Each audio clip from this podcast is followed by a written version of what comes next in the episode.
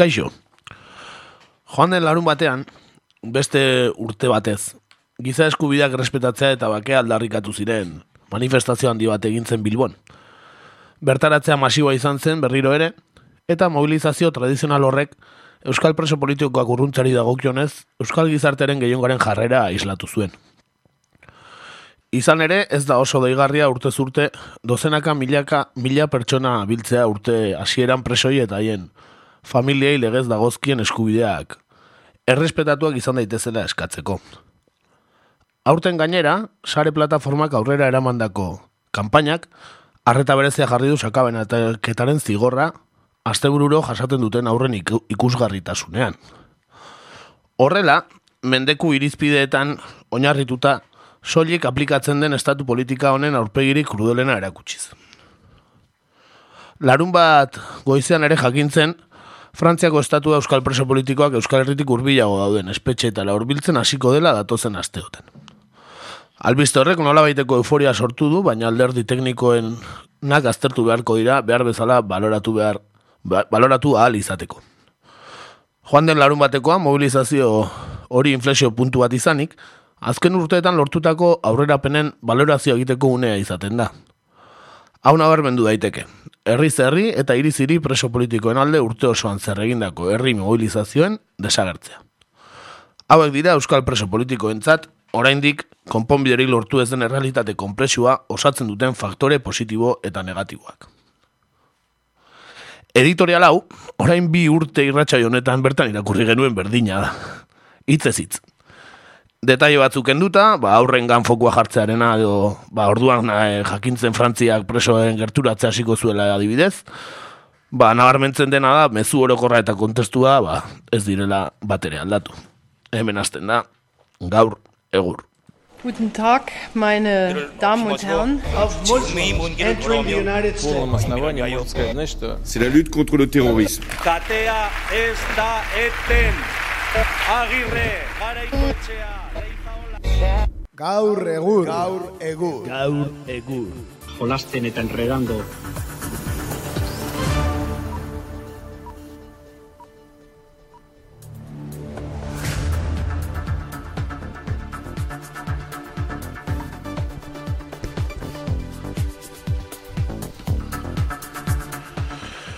Beno, Arratxaldeon, ongi etorri, hogei, 2000 eta hogeira, eh? Eh, Hogei garren amarkadara iritsi gara, eh? Hori da, urte berri bat hemen, e, bertan gaur, bueno, saioan ez, baino zatian eta tira, amarka berri ona espero dugu. Bai, ikusiko dugu. Utzi duguna baino bea izatea ez da zaila, ez? Hori da, hori da. Ai, hemen gaude, eh? kriterio guztien kontra ez da. Ez, ez dakitena ziur, amarka da baina hasten da kontatzen ogoita baten, no? Uste ogoita baten hasten dela kontatzen Bai? amarka, amarka berria. Bai, bai, Nahiago bai. dut, nahiago No, dut. bai, Bai, seguro? bai, bai. Zatik, uste izaten dela eh, hogeia amarkadako azkena. Osa, Bai? amarra, bai, bai, bai. Oker izan hau, eh? Bai, 2000 garren urtea horrela izan zen, ez? Jo. E, hogeita bat garren menden 2000 eta bat garren Osea, urte ez, sartu. ez, ez euki presaik, eh? Ah, orduan, Amarkadaz ah, pasatzeko. Eman dugun lehenengo zatik- primizia irrat, irratxaioan, gezurra zan, ja, eh? Eta ez da bakarra izango. Ez, ez, ez, gezurra nagusi. Batzen bertan gaur atalarekin zuzenean.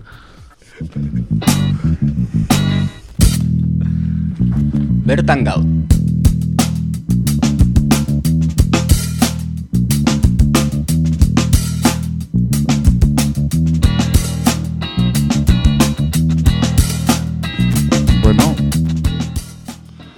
Bueno, ba, bertan gauren, ba, aurten ere zorritxarez, ohitura bilakatu den bezala, Bilbo eta Baionan presoen sakabanaketarekin amaitzeko eskatuz, manifestazio jendetsuak ikusi ditugu, eta horiek aipatuko ditugu.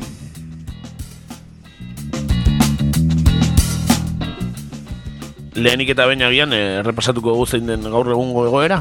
Bai, e, bueno, esan larun bateko manifestazioetan, bai Bilbon eta bai Baionan egin ziren netan, larogei mila bat pertsona bildu zirela, irurogeita mar mila Bilbon eta hamar mila Baionan, eta oraindik ere sakabainak eta politika pairatzen duten dira berreunda berrogeita mar presoen giza eskubideen alde defentsan atera ziren, ez?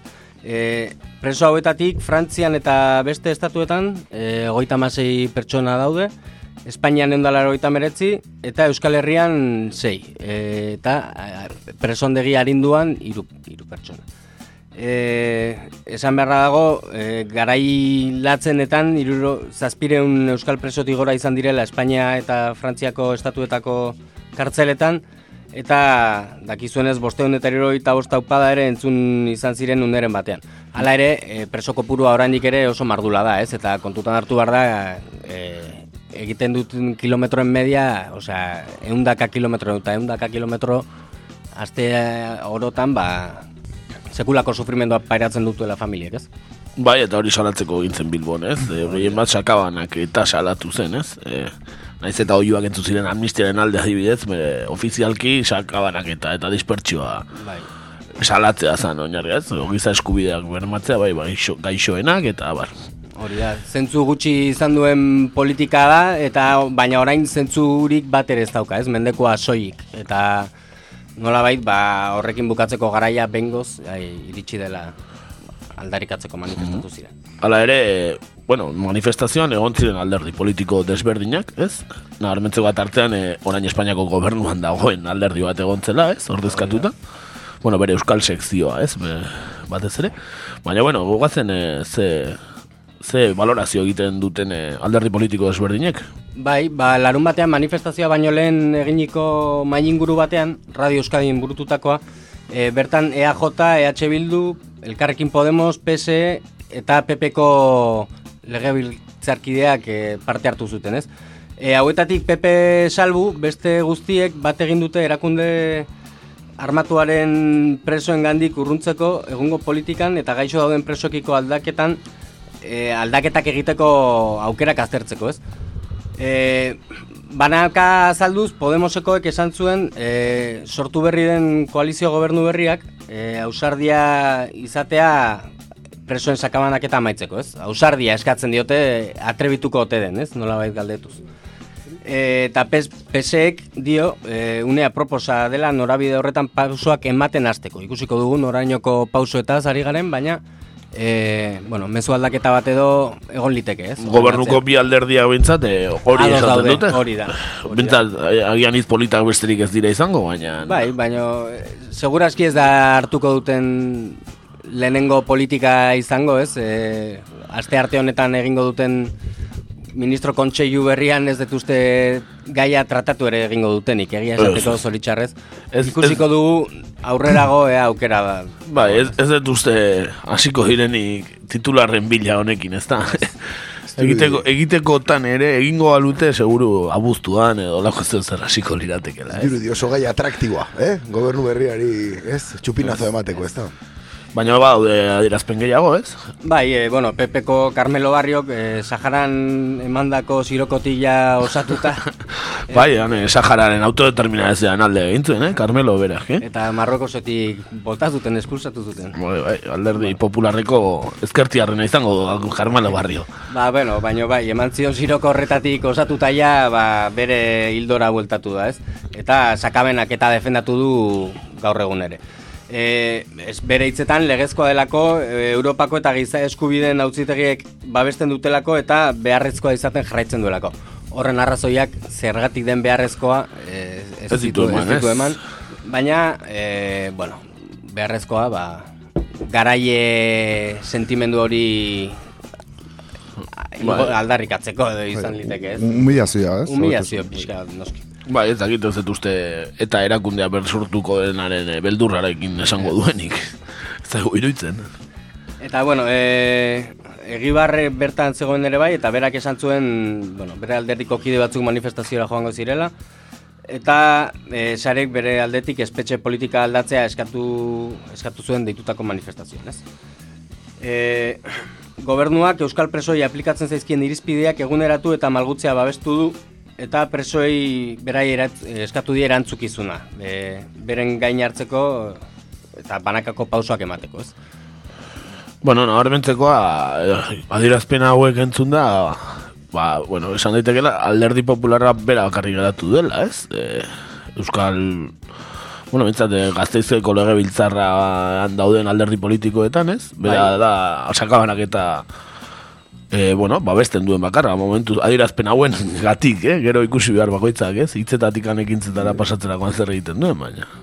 Ba, irudi, bakarri geratu dela alderdi popularra, honetan. Bai, maia diskurtsuan badirudi bai bakarrik galditu direla, eta bueno, pentsatzen dut, ez? Naiz eta legebiltzar legebiltzarrean ez dauden boxekoak ere, ba, bueno, ez? Gustora jardungo ziela manifestazioaren aurka, ez? Bai, bai, seguruena esango zituzten, hau adierazpen, Carmelo Barrioren baino eta gogorragoak, ez? Segurazki hor pika dakate, eta... Vale.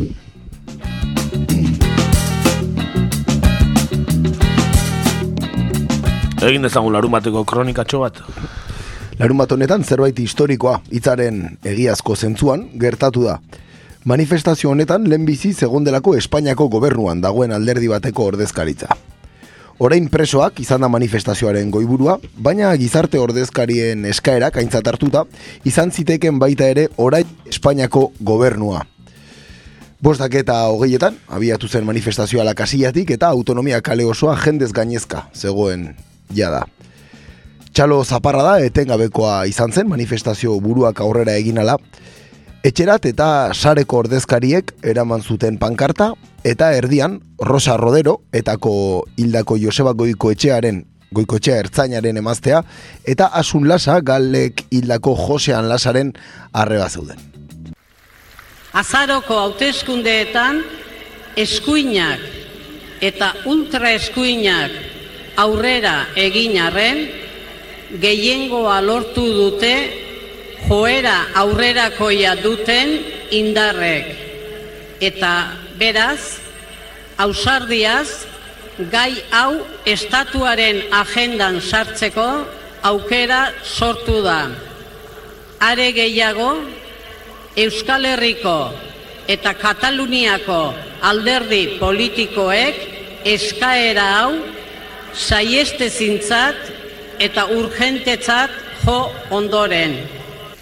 Estamos hablando de derechos humanos y no de reivindicaciones políticas.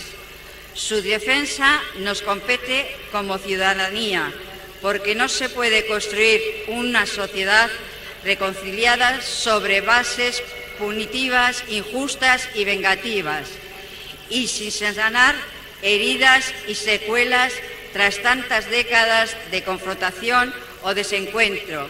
Y ello debe ser una responsabilidad prioritaria para nuestras instituciones electas.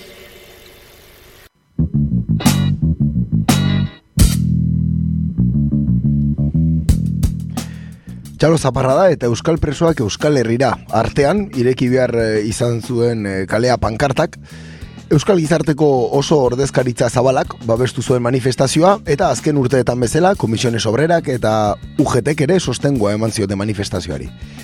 Bilboko udaletxean amaitu zen manifestazioa, entzun bezala Rosa Roderok eta Asun Lasak gaztelaniaz eta euskeraz ira, irakurritako agiriarekin giza eskubideak eta bizikidetzaren aldeko mezua luzatu zioten jendetzari, haien seme alabei beraiek izan zutena baino egoera hobeagoa, utzi nahi dietela adieraziz.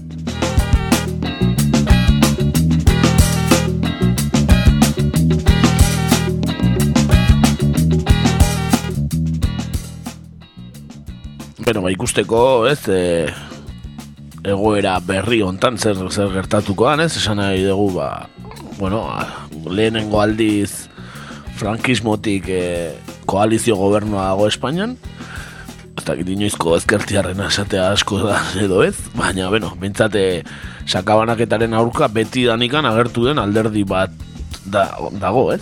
Sakabanaketa bultzatu duen bat eta eta beti aurka agertu den bat, ez? Daude Espainiako gobernuan. Bai, hori da, eh? inventoreak eta gero ba, kontra agertu direnak, ez?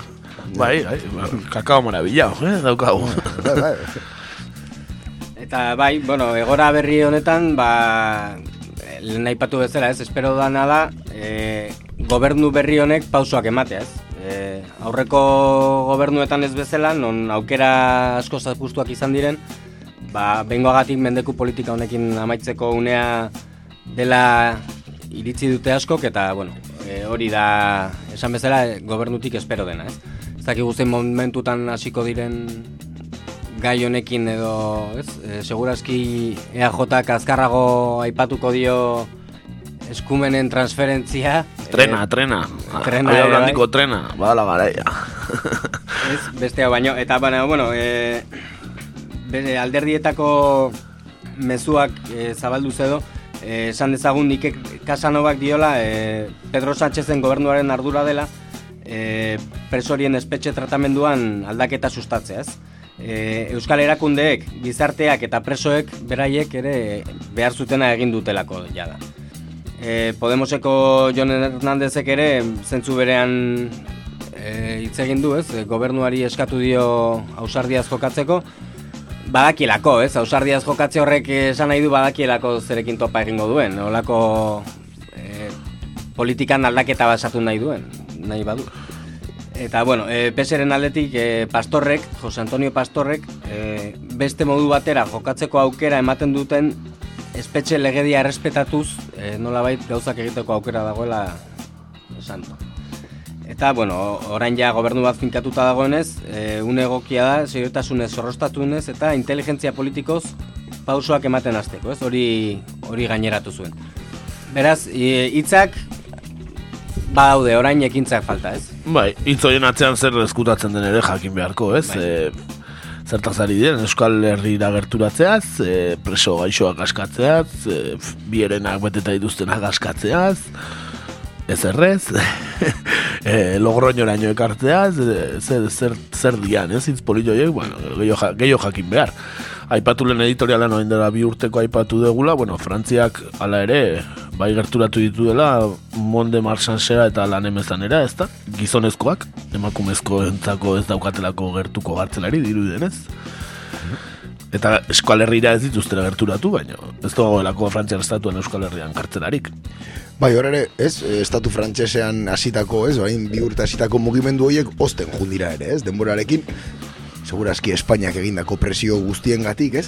Eta eta nahiko deigarria izan zen larumatekoan, ez? Nola e, iparraldeko manifestazioaren arira, ze gogora ezagun baionan ere manifestazio bat egin zala, ne, hamar mila pertsona egon ziren e, e, lema berdinarekin, Eta nahiko deigarri izan zen e, Euskal preso politikoen bi abokatu atera zirela iparraldean Frantziar gobernuari e, ba bueno, ez, e, modu batean e, leporatzen, ez, mugimendu gutxi egin dituela edo bat ere azken bi urte hauetan eta Bilbon eskatzen zela Frantziar estatuak egin duena Espainiar estatuak egin dezan, ez? Nahiko deigarria iruditu zitzaidan e, hor bi bicefalia hori, ez? Esate baterako lema berdina zuen manifestazio batean, ez? Beste behin ere Ipar Euskal Herria hiru edo lau paso aurrerago ego Euskal Herriarekin alderatuz, ez? Bai, hor, e, ia espektro politiko guztia batu zen manifestaziora, ez? E, egon ziren ia alderdi guztietako kideak, baita kargu elektoak ere, diputatuak tartean, baita Euskal Elkargoaren presidentea, ez? Nahiko... Udaberri hontan hauteskundea daudela horretarako, eh? Hori da, hori da, bai, beraz, e, bueno, ez, ez dirudi,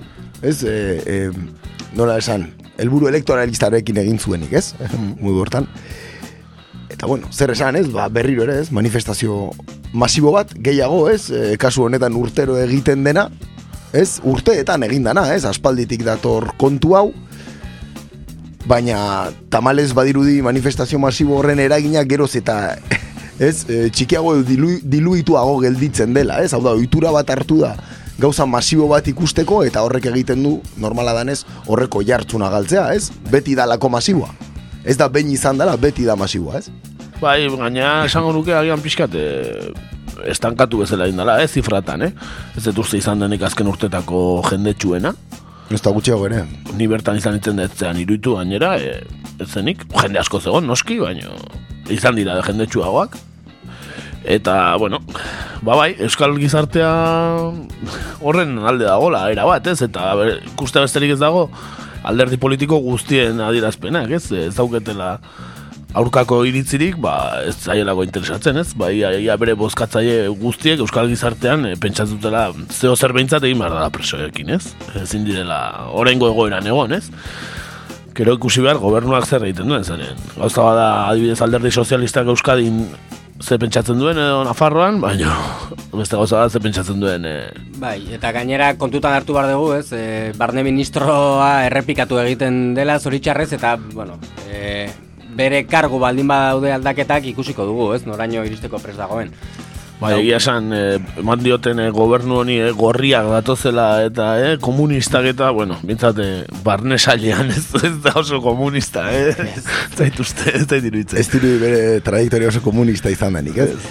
Denaen, manifestaziora bueltatuta ez, eta pixkat, eh, lupa pixkat atzeraka botata ez, batzutan lupa oso gertu jartzen da, ez, gertatutakoaren euforia guzti hortan, eta pixkat politika zitzegin ez, ez, eh, guzti honen arira, ze kontu politiko bat eta zari azkenean, ez, euskal preso politikoak direlako, ez? E, lehen Rosa Rodero kondo esan duen bezala, dagoeneko e, presoen aldeko mobilizazio hauek ez dira mobilizazio politikoak, mobilizazio humanitarioak dira, ez? Eskatzen dena da giza eskubideen errespetua, eh? baina ez dago kontenido edo eduki politikorik, ez? Rebindikatzen den horretan. Ez? Bai, bai, ez da amnistiarik ez da, bueno, oioak entzuten dira, baina ofizialki ez dut amnistiarik eskatzen adibidez Kataluniakoak eh, eskatzen ari den modura, ez? Adibidez, ez, kupek egin dezaken bezala edo Junts perkatek egin dezaken bezala, ez? Egia da beraiek ere guztientzat ez dutela eskatzen, ez? Bakarrik beraien presoentzat, ez? Baina, bueno, hori hor dago, ez? Eta, boiz dakite, beti, ez? U, uste dut urtero pixkat elkarrizketa, ez? Berdina ukitzen dugula tamalez, ez? Ez da pesimismoan erortzeagatik, baina parametro hauetan kasu honenean, ez? Kasu honenean optimistenen jarrita badirui dispertsioarekin amaitzea lortuko dala noizbait, kasu Eta- optimistenen jarrita. Per, preso gaixo larriak eh, etxean kondena betetzea, horrelakoren bat, ez? Hori da, ez? Eta horrek adierazten duena da ez dagoela ez dagoela irtenbide integral bat, ez? Presoen aferarentzat. Hau da, e, optimistenen hori hori balima da dagoen parametroa, e, nahiko zatarra da esatea, baina bai dirudi presoen inguruko hildoak, ba, bueno, frakasatu egin duela, ez? Bai, bueno, ez dakit, eta gainera, iruditzen zait, eh, jendeak izan dezake itxaropena, ez? Eh, Alderdi desberdinen koalizio gobernu honekin, eta agian zeo zer egingo dutela, baina, bueno, bai oposizioan dagoen eh, eskuina, ultraeskuinak, gogor astinduko du. Kontu honekin ezerrekin baino gogorrago astinduko gobernua, orduan, eh, ez dut uste, lehenengo bi urtetan ez zait iruditzen ezer egingo dutenik. Gutxiago ere, nik ere ala pentsatzen dut. Eta gero badaude hor aspektu teknikoak, ez? Beti ez, ja lupa gerturatzen goazenen aspektu teknikoak. Adibidez, bizi osorako zigorra daukaten presoekin zer gertatzen da, ez? Eta ez dira gutxi, gelditzen direnen artean esango nuke uneko hogeita marra, hogeita magosta direla, ez? Eta hor ikusten dut, nire iritsiz behintzate, ez dagoela soluzio integral baten proposamen amai gainean, ez? Momentu honetan. Egia esan hor, osea, lehengo helburu prioritariotzat joten da dispertsioarekin amaitzea, ez? Eta gero nik uste, ja, beste helburu partzial batzuen artean, hori, behin hori lortuta ez, nolabait beste, beste eskara batzuekin jotzea, ez? Ba, uste, modu mailakatuan egitea pentsatzen dela orain, eh, beste gauza batzuen artean, ez delako beste modu batera egin, ez? Eta indar korrelazioa gaur egun ez da hogei urtetan zegoen berdina, eh, Zalantzarik gabe. eta beraz pragmatikomotasuna ere nolabait nik uste eskertzen dela zentzu batzuetan eh, askotan ba hori sofrimenduarekin bukatzeko baldin bada behintzat ez. Ba, dudari gabe, ez, ez, zalantzari gabe, eh? hor, hori horrela da, bai. Dena den hori, ez? Nik zalantza dakat eta berriro politikara bueltatuta, ez? E, noizbait zerbait lortzen balima dispertsioaren kontu honekin, bai, e, EAJak tanto apuntatuko duela.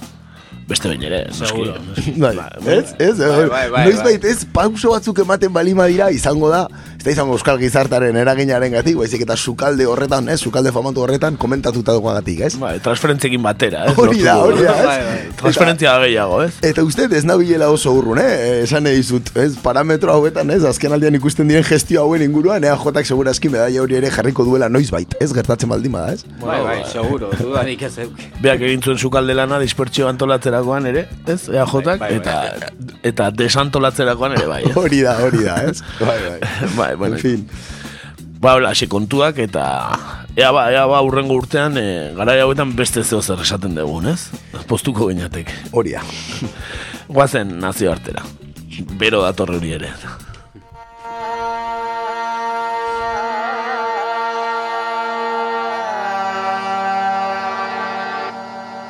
Nazio artean gaur.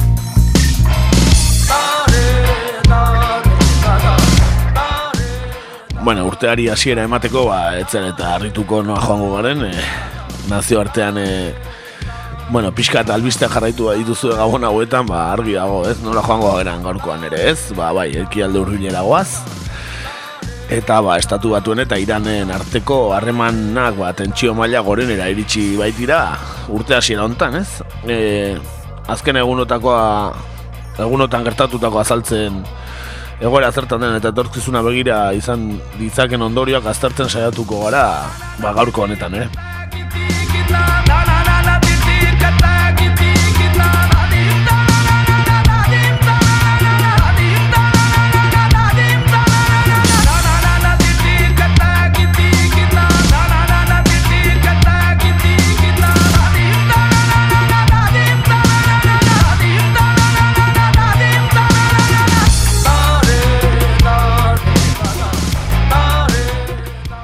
Ameriketako estatu batuek Kasen Soleimani irango guardia iraultzailearen buruzagia hil zuten urtarrilaren iruko goizaldean. Dron batekin eraso eginda. Bagdaden, Bagdaden. Beste zazpi lagunere hil zituzten bombardaketan. Tartean, Abu Magdi al-Mohandes, Irakeko herri mobilizaziorako indarra milizia txitako presidente ordea. Bi lider hori ez gain, goikargoak zituzten militarrak ere badaude iotzen artean. Ali Jameneik, Irango lider gorenak, Ismail Kahani izendatu zuen egun berean irango iraultzaren zaindarien buruzagi berria.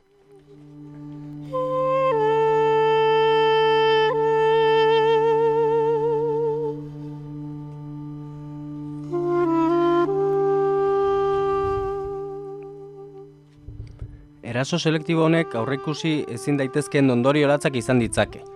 Ekialde hurbileko hegemonia izateko borrokan ari dira Teheran eta Washington eta bien arteko tentsioa areagotuz doa.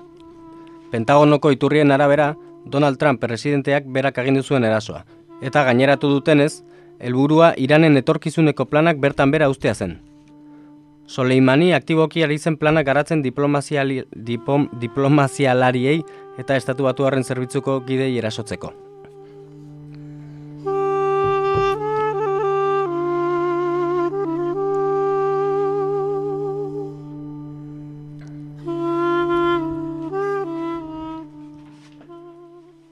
Irakek gogor gaitzetsi zuen erasoa.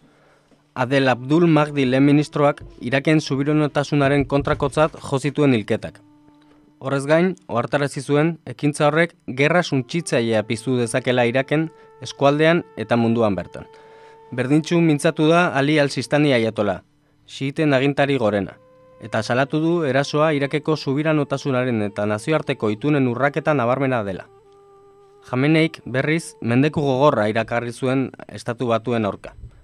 Erantzun horren aurrean, estatu batuek ekialde hurbilera soldaduak bidaltzea erabaki zuten. Iru mila eta iru mila artean izango dira. Alaber, Irakeko parlamentuak bozketa egin zuen urtarriaren lauan. Estatu batuek herrialdean dituzten tropak ateratzeko.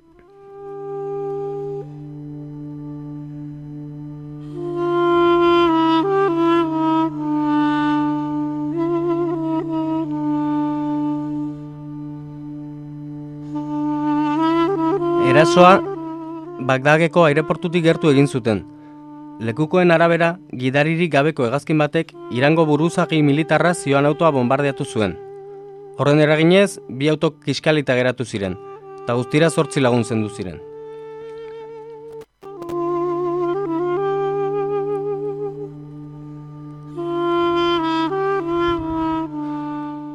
Trumpek erasoaren ostean, estatu batuetako banderaren argazki bat igozuen bere Twitter kontura.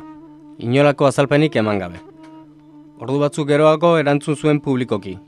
Iranek ez du inoiz irabazik gerra bat, baina ez du inoiz galdu negoziazio bat, esanez. Soleimani generala gogor kritikatu eta haren aurkako erasoa goraipatu zuen ondoren. Suleimanik milaka estatu batu harril edo larri zauritu dituren bola luzez, eta beste asko hiltzeko asmoa zuen milioika pertsonaren eriotzaren erantzule zuzena zeharkakoa izan zen. Duela urte asko hil behar zuen, gaineratu zuen presidentek.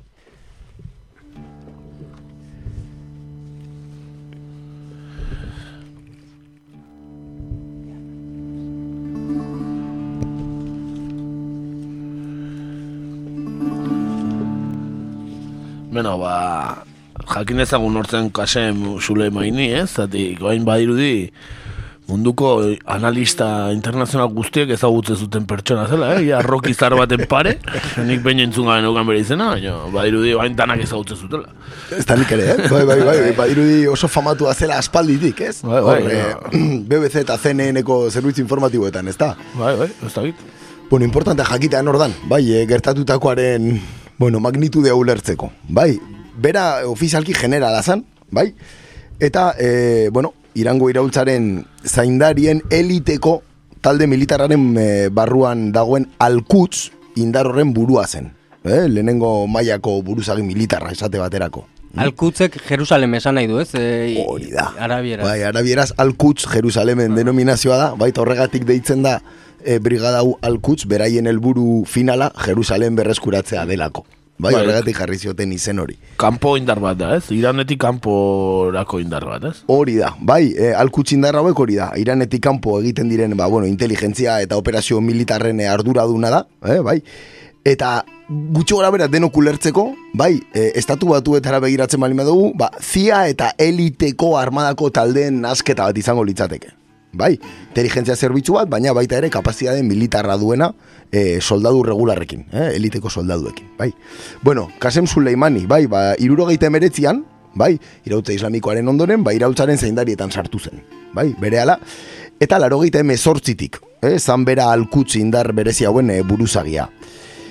Bere habilidade nagusia zein izan den, ba, batez ere iranen influentzia, e, ba, bueno, ez, e, haunditu egin du zonalde horretan, e, eremua haunditu du, eta e, adibidez Libanoko Hezbollah milizia txitarekin edo Palestinako Hamasekin lotura, e, lotura egin zuen. Mm? E, ekialde urbilan, e, pertsona klae bat bezala, bai, konsideratzen dute Kasem Suleimani, e, Iranen pisu diplomatikoa asko handitu duelako bere mandatu honetan, eh, hogeita bat urte, bueno, hogeita bi urte iraundu dituen bere mandatu honetan, batez ere Iraken eta eta Sirian. Mm. Eta, bueno, Iraken adibidez, azken urteetan e, izandako gatazka nagusietan, bai, ba, bere influentzia ikusi izan dugu. Bai, adibidez, Daesen aurkako borrokan, eh, lehenengo lerroko pertsona izan da, baita Kurdistanen izan zen, eh, ez, Irakeko Kurdistanen izandako e, independentzia erreferendumaren agira, bai, bera izan zen pixkata aholkularia edo Irakeko gobernua pixkate aholkatu zuena kontunen inguruan, eta e, baita ere gobernuaren e, eraketan, eh, batez ere Iraken. Hm? Beraz, bueno, ikusten zute e, gauza askotaz arduratzen zena e, Suleimani jauna, bai.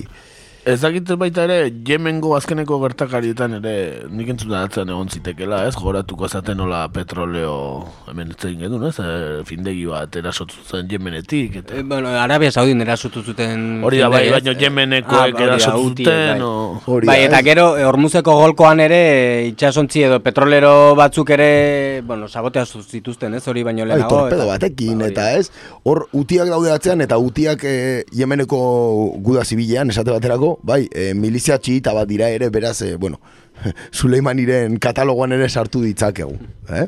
Bai, bere influentzia hor ere, seguraski ez da nola nahikoa izan, bai. E, pertsonal, bueno, maia pertsonal erajute barimaka oso pertsona diskretoa izan da, bai, e, bere bizitza osoan, oso irudi gutxi egon ziren, bereak 2008an e, Siriako gerra hasi zen arte. Bai, berak e, batxarra lasadi e, emandako babesa horren ondoren, ba, bueno, daesen aurkako operazioen buru e, izan zen bera, aholkulari gisa eta baita ere, ba, alkutze, e, bueno, indarren e, buruzagi gisa.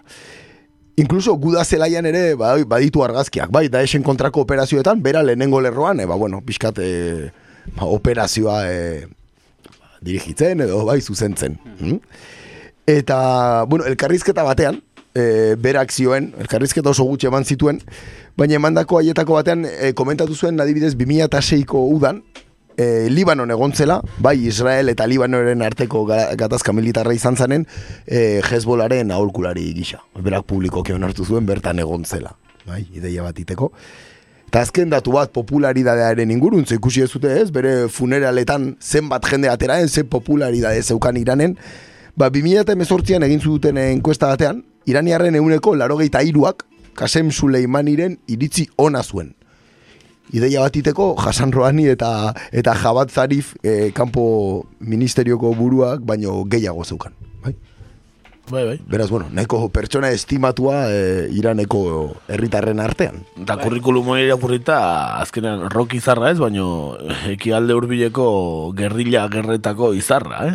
Horregatik, Bai, bai. akazu zuten, ez? Osea, tipoa, ba, izango zen diskretuki, baino noski, gauza askoren atzean, ba, mugitzen zuen, ez?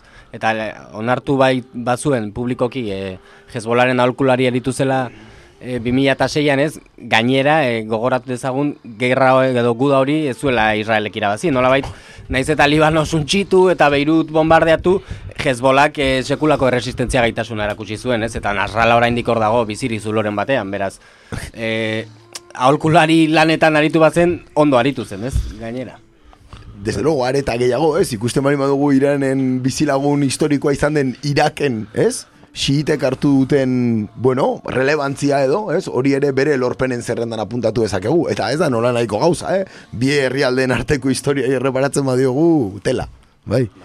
Beraz, bueno, etzan edonor, eh? Kasem Suleimani eta horregatik akatu zuten, noski.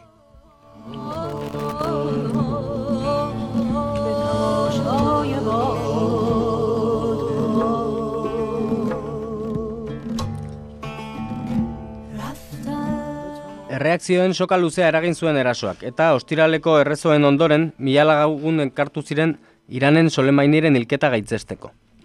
Teherango irigunean, meskitaren aurrean, manifestariek eriotza Amerikako estatu batuei, edota eriotza Israeli oiukatu eta mendeko eskatu zuten. Washingtonek berriz, Iraken dauden estu, estatu batu guztiei bere, bere herrialdetik irteteko gomendatu zien. Teheranen eta Washingtonen arteko tirabira asko tenkatu da azken asteetan. Abenduaren hogeita behatzean, estatu batuetako tropek irakeko milizien hainbat posizio bombardatu zituzten. Denera, hogeita bos lagun hil eta berrogeita hamar inguru zauritu zituzten. Herri mobilizaziorako indarren esanetan, Washingtonen arabera, Kataif Hezbollah talde xiitaren aurkako eraso defentsiboak izan ziren bombardaketa horiek. Erasoari erantzunez, protestan ateratako ehunka herritarrek estatu batuen enbaxada inguratu zuten, Bagdagen, abenduaren hogeita maikan, eta urtarriaren batean.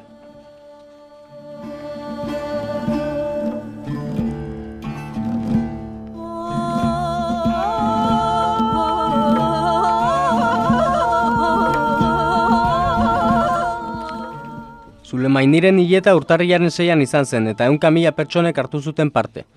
Rudola Jomeini Errepublika Islamikoaren sortzailearen eriotzatik ezen horrelako irudirik ikusten. Kasen Sulemaini ekitaldi xume batean emango, zi, emango zioten lur, jaioterrian, kermanen. Terangoa baina estatu hileta izan zen. Ali Jamenei aiatola nagusiak malko artean zuzendu zuen errezoa, eta beste behin ere mendekua iragarri zuen. Erresistentziaren bideari tinko eutxiko diogu. Hasan Rouhani presidentea zuen alboan. Entzun ezagun eh, momentu hori, ez da? Eh? Negarrez. وإن كانوا مسيئين فتجاوز عنهم اللهم إنا لا نعلم منهم إلا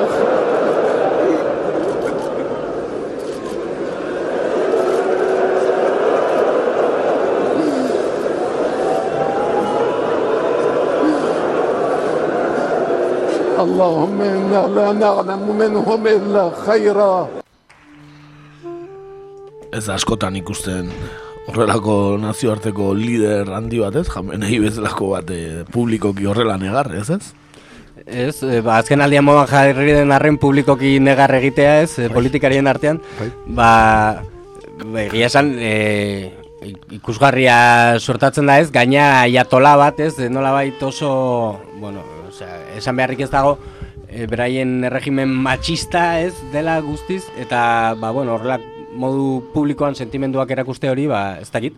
Behar bada on- ongi ikusi egongo da, edo, e, baino, hemengo kriterioen arabera ez, e, ba, ez da gizon machista batek egingo lukeena, edo egin beharko lukeena, ez dakit, ez, Bai, bueno, baino kultura, arabiar kulturan eta, ez? Pe- Persiar kultura. Persia, bai, baina esan musulmanen artean eta e, hiletetan eta e, zea egiten da, ez? E, negarreta egitea eta oso ohikoa da, ez? Bai, kasu honetan, ez, hor, gainera errezoan izan zen, ez? Bera, ari zen errezoa zuzentzen, eta negarrez hasi zen errezoaren bitartean, ez? Nahiko, ez?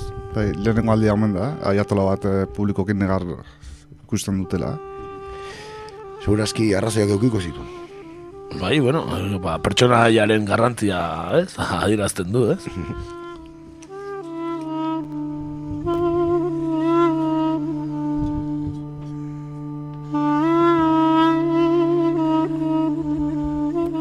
Eta iranen erantzuna iritsi zen gero.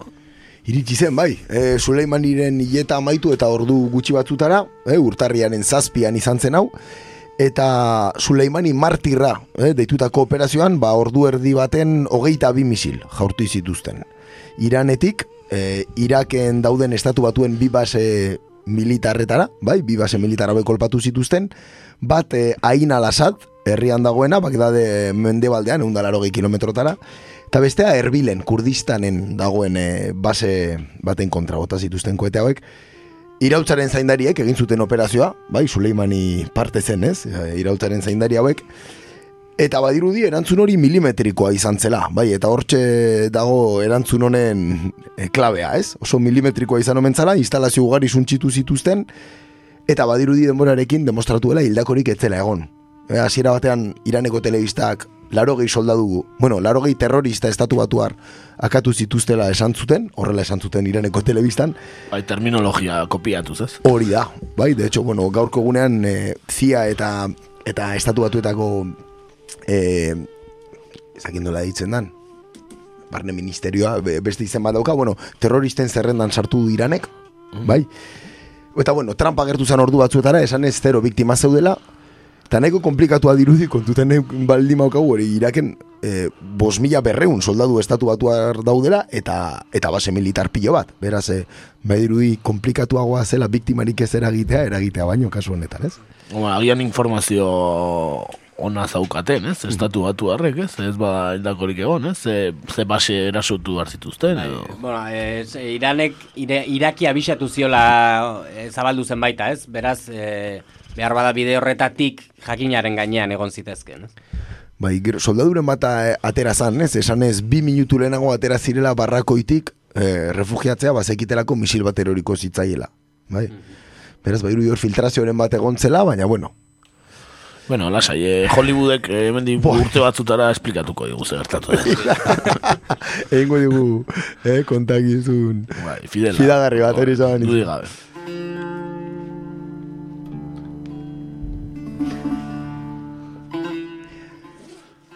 Eta bueno, gero pentsatuko zuen moduan, ba, balorazioak iritsi ziren, ez? Gertatutakoaren balorazioak, e, lena noski, ali jamenei izan zen, bai? Eta estatu batuen aurpegian zaplasteko bat, e, izan zela esan zuen eraso hau, nahikoa ere ez tala esan zuen, e, bere alokuzio jendetsu batean, eta helburua Amerikarren presentzia ustelarekin amaitzea ekialde hurbilean dala, esan zuen e, bere hitzartzean, jende askoren aurrean. Bai, entzun dezagun, horko zatitxo bat, ez, kontestuan sartzeko. حالا یه سیلی دیشب به اینها زده شد این مسئله دیگری است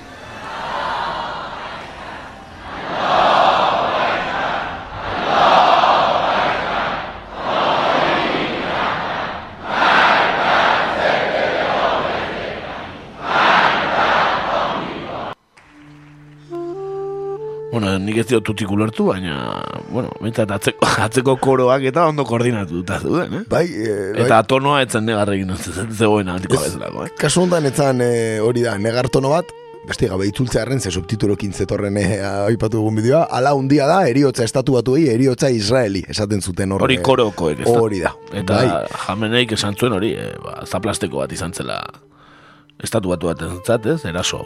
Hori da. Bai, e, pentsatuko duzuen moduan, espero zen, ez, alokuzio edo prentza horrekoa Donald Trumpena zen, ez, inork etzekin zer esango zuen, eta zer iragarriko zuen. E, asteazken arratsaldean izan zen bere, bueno, ikusmina handia sortu zuen prentza horreko hau, eta estatu batuen armadako buruez inguratuta agertu zen, oso, bueno, estenografia martzial batean, e, oso militarra dena izan zen, Eta esan zuen, erasoaren ondoren, irani zigor ekonomiko berriak. Ezarriko dizkiot, haien jarrera aldatu arte. Presidente izango den bitartean ere, Iranek arma nuklearrik ez duela izango, esan zuen prentzaurrekoan, eta Iranek atzera egin duela, egindako eraso horrekin, hala esan zuen Trumpek. Estatu batuak, bakerako preste ere badaudela, eh, esan zuen bertan, eta otani esku hartzea handiagoa eskatu zion. Ekialde hurbilan, beraz, bueno, ez zuen, ez zuen ezer utzi bidean, eh, Ez, Trumpek. ari, ari muturrik ez zuen suelto utzi, eh? Ez zuen suelto utzi. Entzun ezagun Donald Hola. Trump ere, ez da? Beti ongi etorria gure irratsaioan. Iran will never be allowed to have a nuclear weapon. No Americans were harmed in last night's attack by the Iranian regime. As we continue to evaluate options in response to Iranian aggression, the United States will immediately impose additional punishing economic sanctions on the Iranian regime. These powerful sanctions will remain until Iran changes its behavior. Hortxe ez da, lehen aipatutu dituzun hitz berberak ez? lehen aipatutakoa, dena den eh, nabarmentzekoa, ez? Jende guztiak espero zuen Donald Trumpen alokuzio esplosibo bat, edo, ez? Piskate, engorilatuta aterako zela, eta guztiz kontrakoa izan zen, pronostiko guztien aurka berriro ere, ez? Donald Trump lasai agertu zen, oso diskurtso komedidu batekin, eta... Tonua bera ere oso, oso pausatua eta lasaia da, ez, hitz egiterakoan. Bai, ez, da, ez. oso ohikoa be, bere diskurtsoetan. Ez daukan gerra hotxik ez, bere, diskunt, bere diskurtsoak ez? Eta gutxitan botatzen dizkiote hogeita bi misil estatu batu arbase bati, eh? hori ere esamerra dago, eh? etzala, etzala lokuzio korriente bat. Bai, Eh? bueno, Iranek atzera egin duela esan zuen, baina estatu batuak ere ez, ez dirudi aurrera egin duen ibintzat, ez? ez da gutxiago ere. E, Trumpen hitzen ondoren Iraneko goikargu batek, eh, e, Trumpi erantzun zion beste erasoren bat egiten badute, Israelgo hiriak hautsetan utziko dituztela. Hoi guai deklarazio esplosiboak, eh, Iraneko goikargo militar batek egindakoak. Bai, eta, bueno, baki guzarten Israel ez dugu gogora, gogora ez?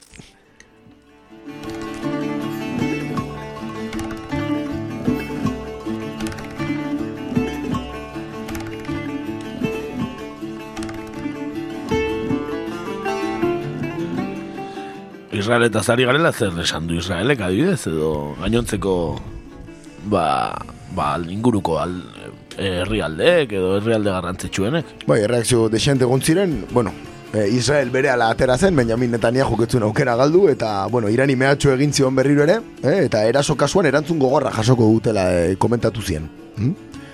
Nahiko modu belizistan, de hecho, eh? Netanyahu Trump baino desente gorago agertu zen, eh? bere, bere alokuzio hortan, bai? Bai, bueno, beraiek dira lehenengo dianako lehenengo puntua agian, ez? Bai, eta beek dira horrek iade hurbieko bi potentziak, eh, bai, eh? bai Iran eta bai, bai Israel. Eh? Bai, bai, bi mutunak, dagoa. ez? Beti danikan eh, gerra hotz bat eraman dutenak, ez? Beraien artean ere, ez? Bai, hala da, eh? azkenean behaiek dira hor, eh, ez? Enfrentamenturako, ba, bueno, gertuen daudenak, ez? Eh, geografikoki esango du, bai? Bai, ben Irak isuntxituta, ez? Hoxe.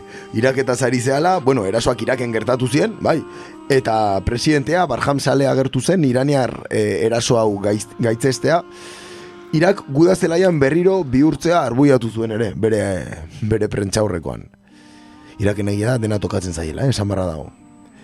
Bestalde batetik Errusia eta Turkia ere, ez, eh, pronunziatu zian gertatutakoaren inguruan, Vladimir Putin eta eta Recep Tayyip Erdoganek alde guztie, alde guztiei arduraz jokatzeko deia egin zieten eta tentsioak baretzeko konpromesua hartu zuten publikoki.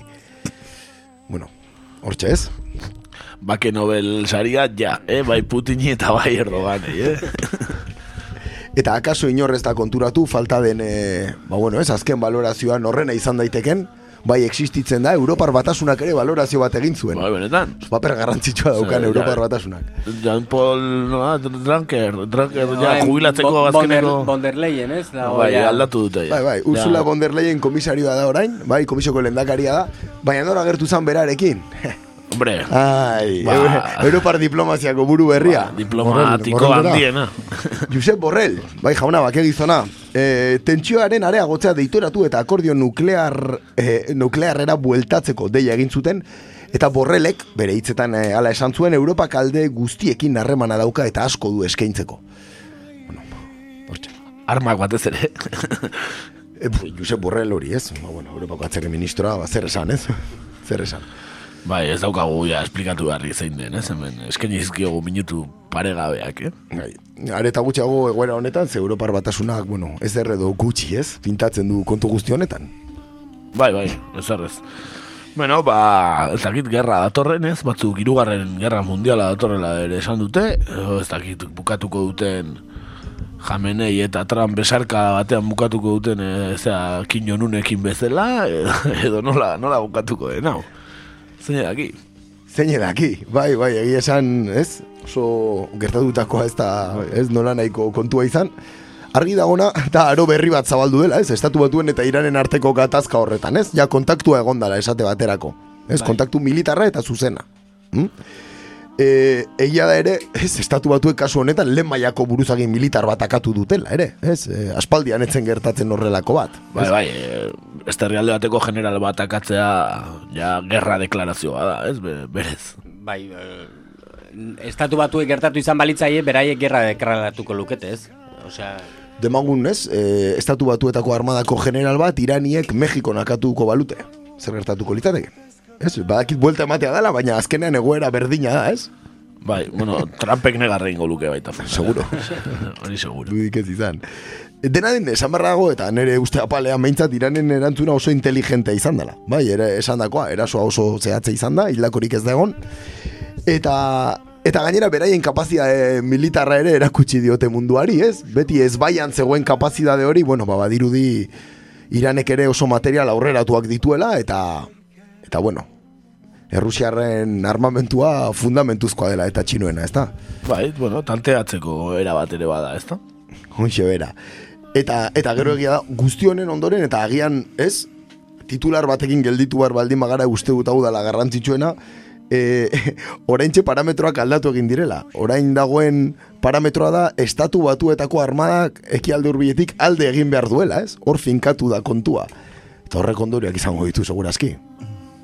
Bai, baina, bueno, badu garaia ere, eh? zema demora da, hor, bueno, beti egonda, eh? baina militarki hola ejertzitoarekin, ja, zema toma urte. 2004an sartu ziren Iraken. Hiruan olauan, bai, exacto. Eta kontatzen baldin baditu golfoan dituzten, ez, base militar guztiak, bueno, ba, hitz egiten ari gara aspalditik, ez, hogeita mar, hogeita urte, ez.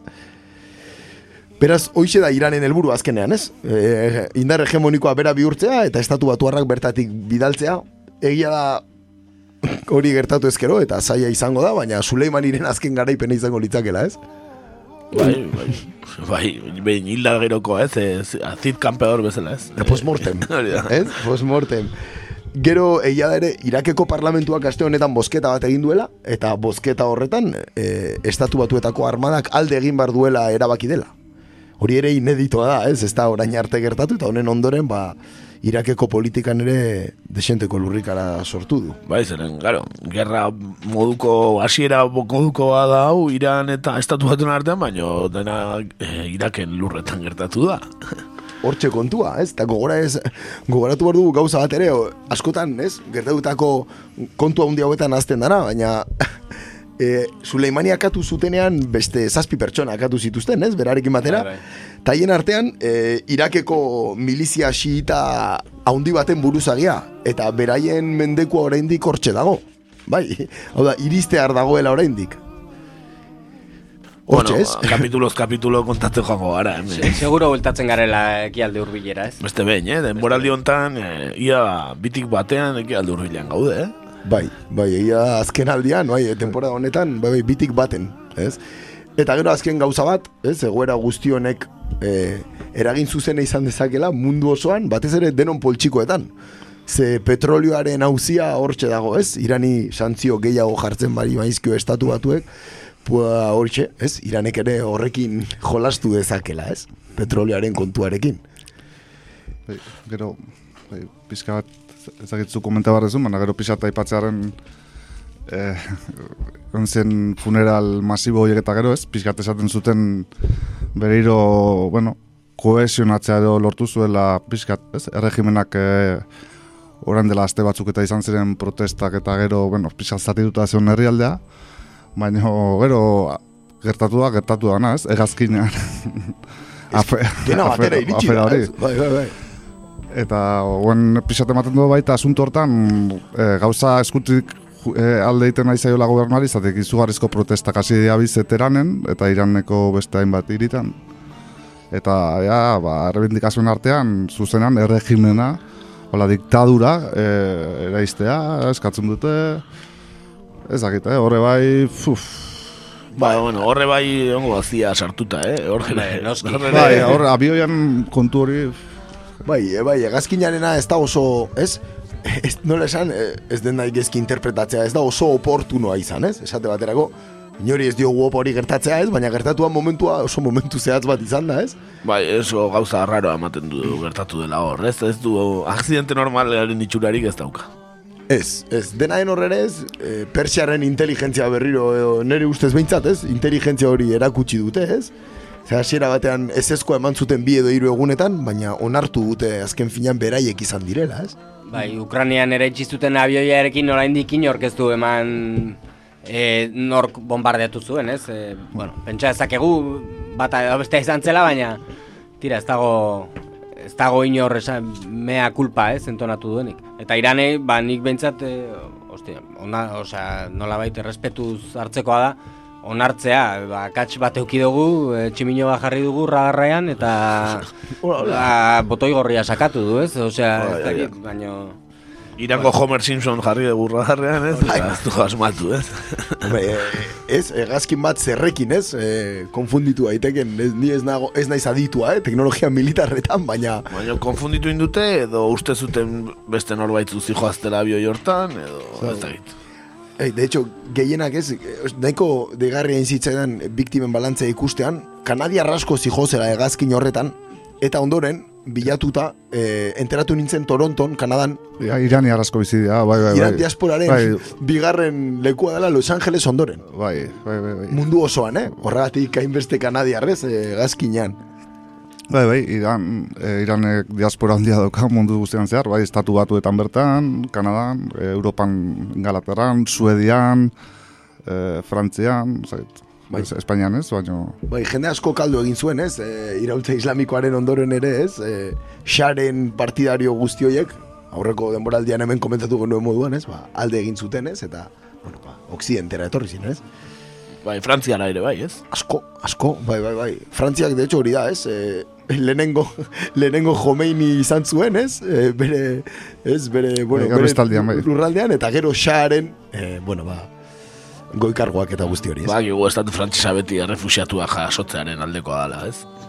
Bai, bai, dirua duten bitartean izatena, eh? Diru, normala, eh? dirudunak bai, ez da. Beno, ba, errepaso bikaina egin diogu ez, egoerari eta ziur, baina ziur iranera bueltatuko garela demoraldia bukatu baino lehen, eh? seguru, apostu ingo nuke. Nik ere bai, aste santuak baino lehenago, areta gehiago esango nuke. Bai, bai, bai. Bai, oso santuak ez izango igual, azte horiek. E, ikusiko dugu. Bueno, e, abestitxoa jarriko dugu pixkat e, deskantsatzeko. E, bueno, ba, abestia bain berriro modan jarri den talde batena, garri dugu, eh? Bai, bai, bai, berrio modan jarri dana, ez da, bai, bai. Bai, baina... Pentsatuko duzu modernia bat izango dala, baina ez ertzainak taldea, ez da. Bai, hori da, orain berriro modan jarri da, ba, baina... Euskal abeslari kutxunenekin abesten eh, ikusi dugu telebistan, ez? Lehenera ipatu dugu bosteun da iru eta lau eh, eta upa dena, ez da? Ba, hori xe, ba, ertzainak aspaldiko partez, ez da? Ez badizu ezagutzen, ba, Hortxe, talde bikaina, eh, eta... Yankee, go home.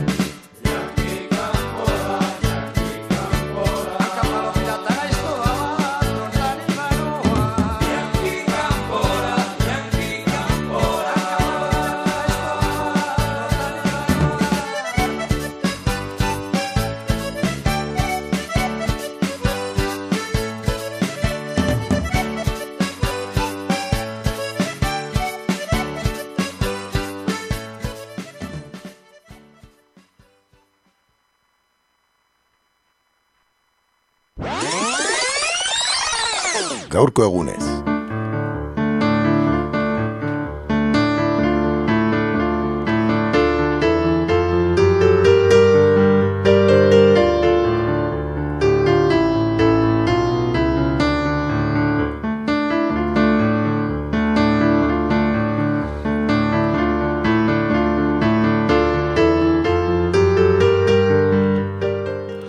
Bueno, ba, gaurko egunez aste honetan e, bete dira, bueno, aste honetan, eh? eun da bat urte, altxamendu espartakista, eh? E, bezala ezagutzen dena gauzatu zenetik Alemanian, mila batzen da emeretziko urtarriaren bost eta amabi artean Berlinen eman zen greba orokorra eta borroka armatua.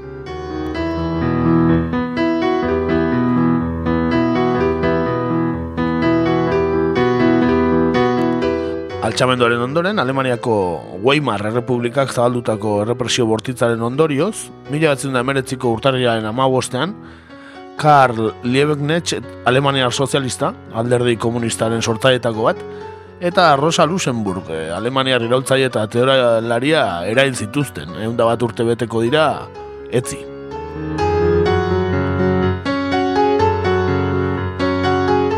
Alemaniako alderdi sozialdemokratak SPD gidatzen zuen gobernura, eta Friedrich Eberten sozialdemokrata zen gobernu hartako presidentea, eh? horrelako bortizkeriarekin erantzun zuena, eh? Altxamendu espartakista.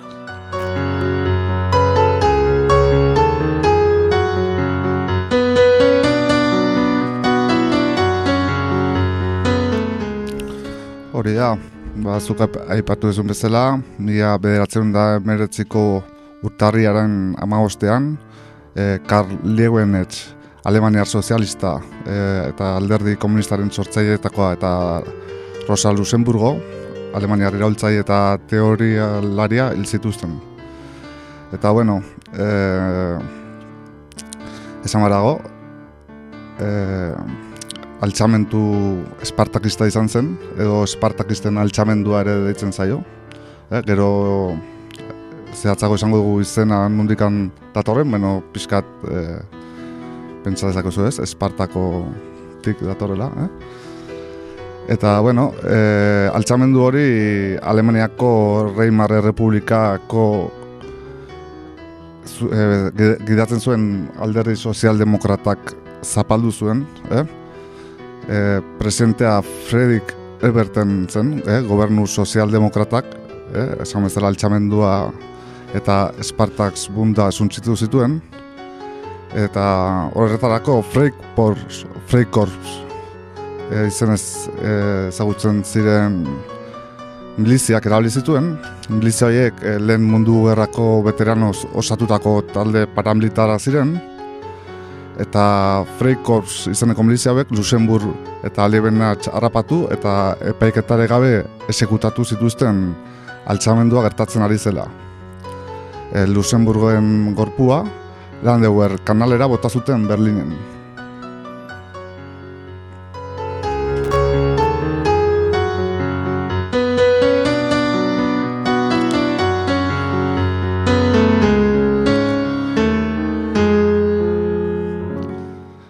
Eta Liga Espartakista, Alemaneraz Espartakus Bund e, deitua, e, mugimendu iraultzaile alemaner bat izan zen, sozialista izaten hasi zena, baina komunista izatera amaitu zuena. Rosa Luxemburgok eta Karl Liebenetz sortu zuten taldea, baita beste sozialista minoritario batzuek, e, haien artean Clara Zerkin, alderdiaren oinarri bezala, doktrina marxistak ezarri zutenak. Gero, eh, lehen mundu gerran Alemaniar gobernuaren politika belizistaren aur- aurkako protesta gisa sortu zenaren erakundea, ba, bere aktivitate garairik handiena, e, mila beratzerun da mezortziko Alemaniar iraultzan izan zen. E, komunistek, Errusian hilabete batzuk lehenago gertatu, gertatutakoaren antzeko iraultza boltsebikea eragiten saiatu zirenean. Eh? Hori babieran gertatu zen, eh? Espartakisten altxamendua baina urte bete lehenago. Eta hura ere, altxamendu hura ere, Ale, Alemaniako gobernu sozialdemokratak bortizki zapaldu zuen. Eh? Piskata ipatzearen, e, gerrandian, e, Luxemburgo e, eta Liebenetz e, mila behatzen da amaseian espe, espetxeratu egin zituzten dizteiu publikoak eragaiteagaitik. Ba, dago, e, ga- garai haietan, e, Rosa Luxemburgo eta Liben atxilotu zituztenean Alemaniako alderdi komunista e, Gerra Mundialaren aurkazion, noski. Errusiako boltxibikak ere gerate mundialaren aurkazeren, zatik e, beraientzat gara imperialistak ziren, eta langile klasearen edo jende xearen aurkako krimentzat hartzen zuten, eh?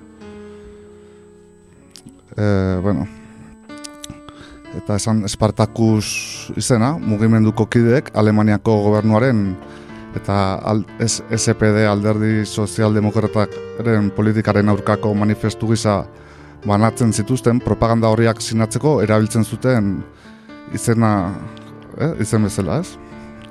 Ez? Espartakus izenarekin sinatzen zituzten propaganda ze horiek. Eta Li- Liebenetz eta Luxemburgok eh, Espartakoren figura aukeratu zuten Erromako historiako esklabo matxinadarik handienaren buruzaria izan baitzen, Espartako, eta haren asmoa zen antzeko balentria bat errepikatzea, eh? Esklabo, langile esklabo egindako, ez? Hori da.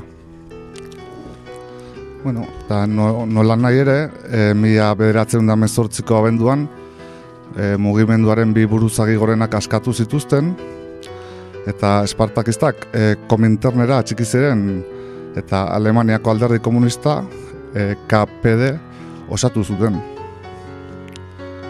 Une horretatik aurrera, errebindikazio hutsezko zereginak alde batera utzi eta iraultza komunista bat gauzatzen saiatu ziren Berlinen. Luxemburgo eta Li- Liebenetz aurka agertu ziren ez baitzuten nukleo iraultzaien nahikoa ikusten, baina hala ere, eh, e, beraiekin ba, bat egitea erabaki zuten, eh?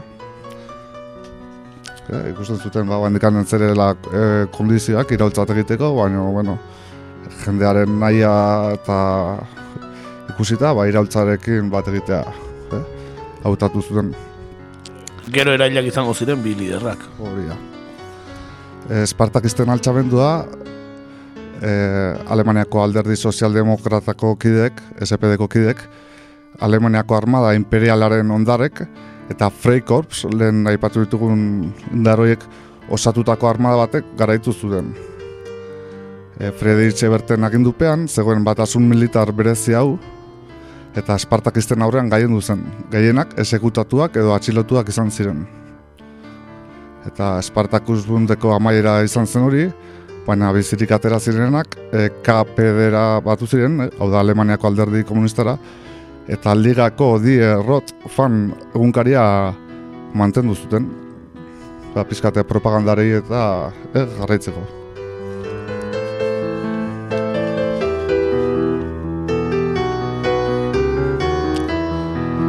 Zerta ipatzaren, e, gaur egun e, Liebenetz eta Luxemburgok sortutako mugimenduaren modu berean deitzen diren nazioarteko Liga Komunistako hainbat atal daudela oraindik, eh? Spartakist Lig izenpean, eta kide berriak daude, daude bai estatu batuetan, Britania handian, Australian, Irlandan, Italian, eh, baita Alemanian, eta beste herrialde askotan. Eh? Euskal Herrian? Dakigunik ez, ez? Dakigunik ez. Bueno, ba, hemendik deialdia, eh? Movimendu espartakista sortzeko Euskal Herrian.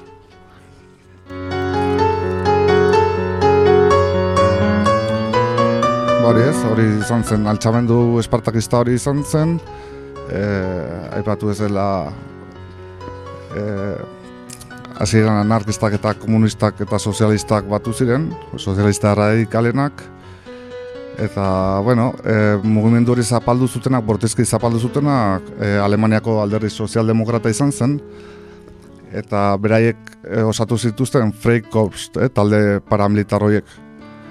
E, geroago, talde paramilitar hori behia, e, be- bereak izango ziren Hitlerrek erabiliko zituenak, eh? Osea, izan zen oso aurrekari iluna, e, bat aipatzearen e, Freikorps talde horretan parte hartu zuen destakatu bat aipatzearen agian ezaguna egingo zaizuen Rudolf Hess bera zegoen. Parakaidista famatua. Baina, haze parakaidista, eh? Pizka bat, e, ideia bat egiteko, ez, e, Al- Alemaniako alderdi sozialdemokratak zerekin jokatu zuen, eta, bueno, gero hainbat teori larik e, ba, nazismoaren sorrera bera edo igoera bera alderdi sozialdemokratari aurpegiratu zuten, eh? Zatik, e, beraiek ireki zuen zuten atea, ba, e, epaiketari gabeko esekuzioei, e, bueno, Bai, indar paramilitarak erabiltzeari, ez? Eta, bar, ez? Eta hori, ba, hori pizkat, eh? E, esaten dute pizka konparatzearen e, iraultzak konparatzearen, ba, e, Pariseko e, komunaren altxamenduarekin konpara daitekela e, Berlingo Espartakistena, edo baita ere Asturiasgo mineroen altxamenduarekin, eh? Asturiasgo iraultzarekin mila behatzen dago eta zatik e, pizkat konparazio bat egitearen, e, iraultza hori ere Espainiako Errepublikak zapaldu zuen bortizki, eh? Eta eh, Espainiako Errepublikak e, erabili zuen buruzagi militara, nor izan zen? Ba, Franco. Zagite, da, Bai, bai, historia errepikatu zen, askotan alde, Ja. alderaketak eh, Bai, bai, kuriosoak izaten dira, eh? erakusten dute nundi datorren makoitza, ez? eta hori, ba, hori da Espartakiz, Espartakisten Historia. altxamendua Ba, oso e, egun proposean datorrena, ez? Orain e, Espainiar gobernu berriarekin, ez? Sozialdemokratak eta sozialdemokrata ezkerrera gokoak batu diren honetan, ez? Bai, bai, bai, haien historiaren errepaso garrantzitsua gaurkoa, ez da? Hori da. Bueno, ba, besarka bat, movimendu espartakistei, eh?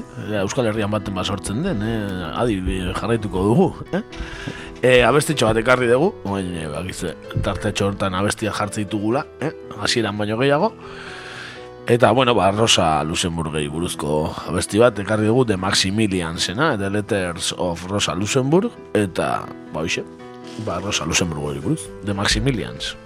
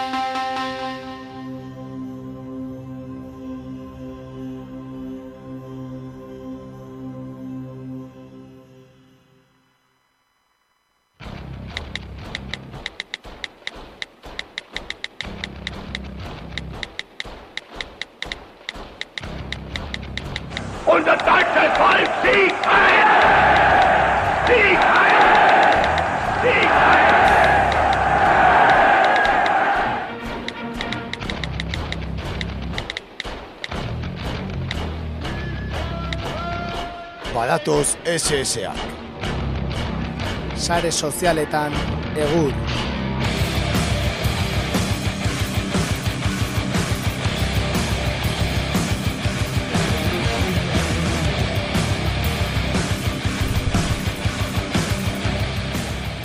Bueno, 2008ko azken irratsaioa bukatzeko sare sozialakin eh, bukatuko dugu, ohitura denez. Lehenik eta behin eh, Twitter galdera bialiko dugu. Eh? Eh, gogoratu bai, hilabete onge gai irratsaio egin gabe, eh? gero itzaldi antolatu genuen, ahostar zelaietaren, ez dugula komentau, kiston irratsaio, kiston itzaldi izan zala, oso gustora onginela. Eta gehiotan eh, deituko diogula, ahostarri. Zalantzarik ez izan. Bueno, ba, horren aurretik, eh, azken irratsaioan eh, galdetu genuen, aia zein euskal politikaren familia jarraituko zenuketen YouTubeen, gorauko zate, karamelutxi familia, eta bar, hori gila- egon ginela hitz egiten, ezta? Bueno, maialen iri hartek irabazi zuen, eh? argi zegoen, eh? Zegoen bestela Borja Senper, Andoni Hortuzar edo Idoia Mendia, eta ba, maialen iri artere baki, eh? Bozkak irabazteko, agial YouTuber familia bat osatu beharko du. Litekena. Eh? Ez eman idea gehiagi, Bai, H bai. Bildu buru argi asko dagoela. Bai, eh? bai, dere ikusita dago, bai, bai, bai. Gainera pantalla aurrean ohituta dauna, ja, behin ez? Bai, eta baina eh, youtuber kanpaina bat sortu zuen H Bildu, ez? Oin dela urte bete o bi hola neska bat, ez? Gero esan zutela H Bildutik egindako azala, eta... Bai, neska bere ez gela nola kontu, gauzak esaten, eta ez, Bai, bai. hola, bai, zera bat, youtuber bat, bezala. Bai, karamelutxi bat, bai. Bai, hori da.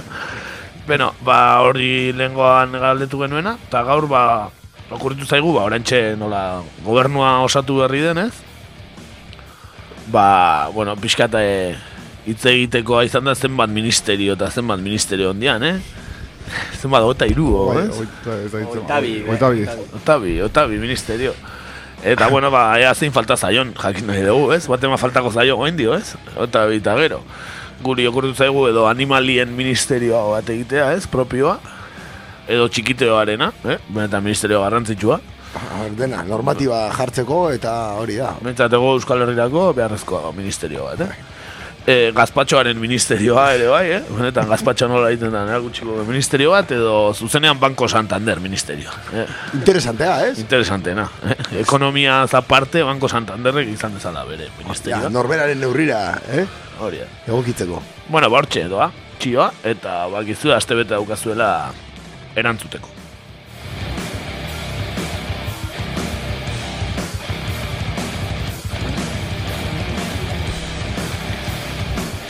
Bueno, sare sozialei dagokionez, ba, aspaldi ez dugu irratxegik egin eta, bueno, ba, entzule askok ba, bere droga dosia behar dute, Winston birakatsa den droga dosia beharrezko daukate, eh? Eta, ba, nola ez, ba, ba gu emateko prest, ezta? E, Gabonetan, ba, opor luzeak izan ditugu esan bezala, eta baina Winston ez da oportan egon. Beste konbenioa dauka, bai.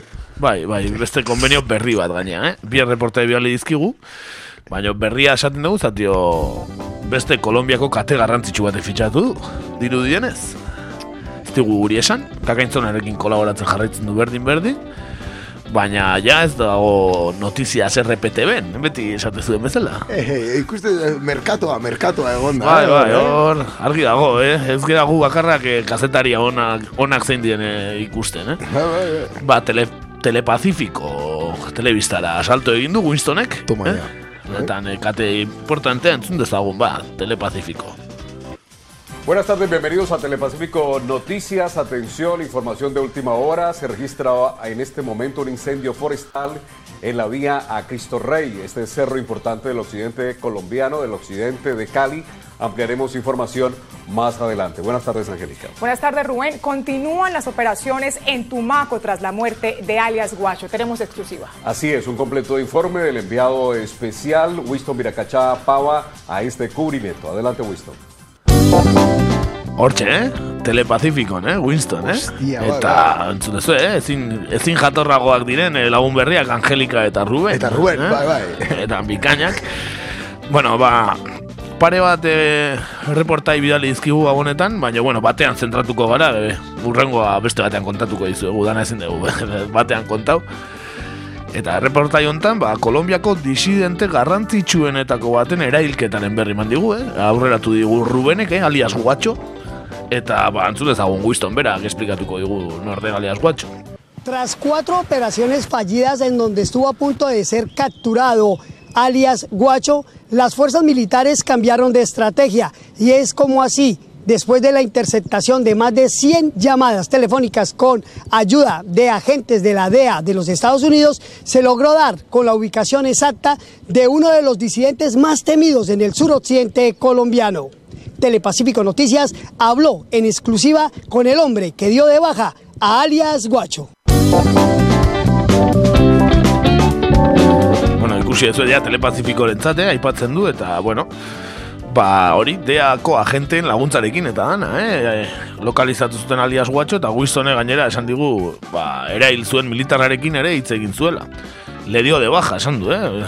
Ezin, adirazpen ezin lekuz kanpukoagoan, eh? Guistonetan, ez nuen espero nik, hola, esatea, le dio de baja. Saldo egin da pixka bat, eh? ba, ba, Bai, telepazifiko nagian beste hildo editorial bat daukate, ez dakigu.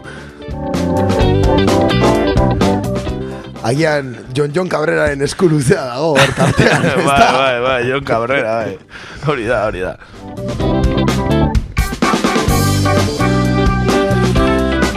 Bueno, ba, bintzat primizian, e, erail zuen militarra entrevistatu Winstonek. Beraz, entzun dezagun militarra bera.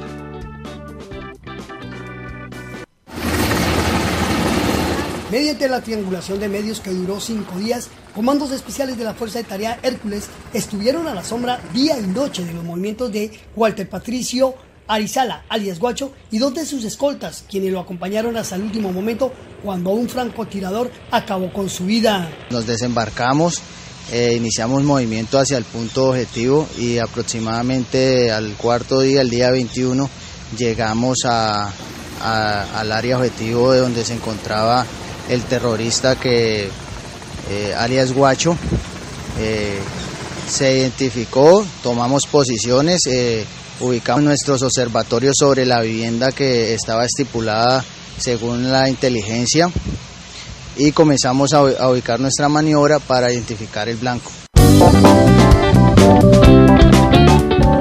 Bueno, hortxe, eh, ikusi ez telepazifikora salto egin da gero, ba, hel- helikoptero zaratak, bideo hasieran, eta, bar, eh, ja, beste maila bat, eh? Guaiet. Eta, bueno, esan daiteke, ba, estatu terrorismo kasu baten aurrean jarri gaituela Winstonek, ez? Militarra joan, eta Hola, hola. franko tiroarekin tiro, eta fuera, eh? Eta ala dirudi, ba, hori, frankito tiroare batek tiro egin da, hil dutela Walter Patricio Arizala, eh? alias Guatxo. Eta ez zuten gaina Guatxo bakarrik hil, jende gehiagorekin zegoen, eta be, gutxienez beste bat ere hil zuten. Entzun ezagun. Una fuente castrense señaló que los comandos de manera infiltrada, pero siempre al acecho, evidenciaron durante una semana parte de los hábitos de alias Guacho y alias Pitufín, pues no querían perder rastro de él, como ya había ocurrido en por lo menos tres ocasiones anteriores. Cuatro días mimetizados que nos hicimos parte de la madre naturaleza. Cuando llegamos al punto, eh, tomamos la decisión de ubicarnos mejor para identificar y discriminar al blanco, para así, hacer, eh, para así realizar un tiro sincronizado con mis tiradores de alta precisión. Y pues así se hizo y fue a fin término. En esos momentos Guacho se encontraba con dos terroristas más, el cual al ver la sorpresa y la contundencia en de mis hombres, eh, emprendieron la huida. Eh, afortunadamente para nosotros y para nuestra nación cayó Guacho y el segundo al mando Arias Pitujín. Los otros dos salieron en, en la huida. Horrela, ze argita garbi esplikatu dizu militarrak, eh? Ba, inungo, ez ez, hor, inungo detalle gorde gabe. Bai, bai, dana, dana esplikatu zen, nola intzuten, eta hori, ba, bi pertsona hil zituztela militarrek, eh? Bi disidente Bi, bi, garrantzitsu. bl- bi blanco, ez? Berak eh, bai. aipatzen duen moduan etengabe... Bai, baina, bueno, azalez ez zian oso zuriak, eh? eh hori, ba, alias guatxo eta alias pitufin hil dituela ejertzitoak eta hortxe zegoen Winston, eh? Esplikatzeko, eh? Bueno, eh, benetan, eh, berriz ere albiste bikaina jartzen diguna, eh? Bai, bai, bai, bai, kasu honetan berri ere, gertaeraren muinean kokatu da Winston Mirakatxapa. Ba, bai, era bat, era bat, militarrak entrevistatuz, hori ikusten da bueno, pauso bat aurrera egin duela bere kazetaritzan, eh? bideoa agian jarriko dugu zean, eh, podcastean, eta ikusten da, ba, hori militarrak bizkarrez, eta bea, Winston begira, militarrei, eta bar, bere luzegoa da, esan ekarri duguna baino, bideoa, eh? Baina reportai luzegoa egite ditu, ba, hori, telepazifikora joan zaigulako. Soinu ere bikaina, ez, agian hor eh, reporteria ekipo aldatuko zioten ere. Ez ez, Ez, kamara, ah. kamaralaria berdina da, begira, entzun dezagun betiko Winstonen aurra. Winston Viracachapaba, Telepacífico Noticias, más cerca de la región. Ah, ez ontan ez du esaten, baina besten esaten du, eh, de, con el, la cámara de, de Diego Leitán. Hori da, eh, Diego Leitán, eh, jarraitzen du berarekin, vale, vale, poste. Bai, bai, jarraitzen du, biak fitxako zitu den Telepazifikok. Ekipo guztia. Bai, ba, hola, xe, Winston, eh, urte berriarekin gogotxu bat orkigula, eh, ekizuen hor hilabete txar bat, eh, ez zuela, kazetaritza utzi nahi zuela eta esanez, baina, bueno, gogotxu etorri da, ematen du komunikabide honek, ba, berri honek, ba, kontratu hobe bat eskeniko ziola, edo, eta, eta gogotxu bueltatu da. Bai, urte berri ona hasi du, ez? Eta ona jarrai izan dopa diogu, seguraski edukiko dugu bere berri, hemen berriro ere, urte guztian zehar. Ekialde hurbilekoa baino gehiago, akaso? akaso bai, akaso bai. hortze, hortze dago, eh? Bai, orain, ikusi egin behar telepazifiko kanaleko eskubideak eta, eh, geurekin informazioa elkarbanatzeko, baina, bueno, ikusiko dugu. Ba, hola, xe, Winstonen kontuak, eh, onaino. Bikain beti bezala, eta bueno, horregatik da gaur egurreko parte garrantzitsua, Winston Viracachapaba. Ba, noski, noski, oso garantzitsua urte berri hon eh, Winstoni ere, hemendik, eh, entzuten hariko dela. Hori da, nariñora, eh, mendik nariñora. Hori da, hori da, pastora, pasto, pastora. Departamento de Nariño. Nio, hori da, eh, Costa Pacifense. Costa Pacifense, hori da. Bueno, ba, honekin eh, bukatuko dugu, eh? El urteko lehenengo erratxaioa. Gustora hango zinatelakoan entzuleak, gu behintzat gustora ditu gara, eh? Eh, abestitxo bat. Gaurkoan ekarri dugu, ba, etxepare rap bueltan dela, aste honetan hasi da abesti berria publikatzen, Imano Lepelde da berez, etxepare rap, eta abesti berriak eh, publikatzen hasi da interneten, eta ba, hemen primizian hoietako bat. Beraz, etxepare rapen itzulera, hemen txe, ondo izan da, aste hona izan. Eh? Arte. Ah, ondo izan. Horrengo arte gaiztok izan. Venga, hortxe, etxepare rap.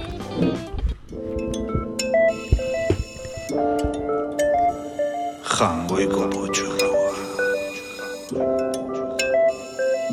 Gure hizkuntza ez dago hila, Euskaldunak bagara zazpireunda berrogeita mar horietatik gehienak. Euskaraz hostileik kontsumitzen ez dutenak, orain argi dakigu zenbatek. Euskaraz kontsumitzen du lau euskaldunetatik batek Non ezkutatzen dira boste mila euskaldun. Benga, armairutik atera ditzagun. Ezagutu harren euskaltel eta euskalokela Balakigu euskal kultura existitzen dela. Eta ez naiz nazkatuko esateaz. Kulturaz mintzatzean enaizari pintxopoteaz Baina hause da daukaguna. Ez badugu egiten egin dezakeguna. Eta gauza badaukat esan beharra. Euskara sortzen den guztia ez da kakazarra. Zatoz eta esaidazu behingo. Etorri, etorri. Zein liburu irakurri duzu euskaraz azkenekoz Espanabil gaizki, segurazki. Igual izango da makilak iski. Ezagutzen ditugu euskal tele, euskalmet eta euskalokela Baina baldakigu euskal kultura existitzen dela. Eta ez naiz nazkatuko esateaz.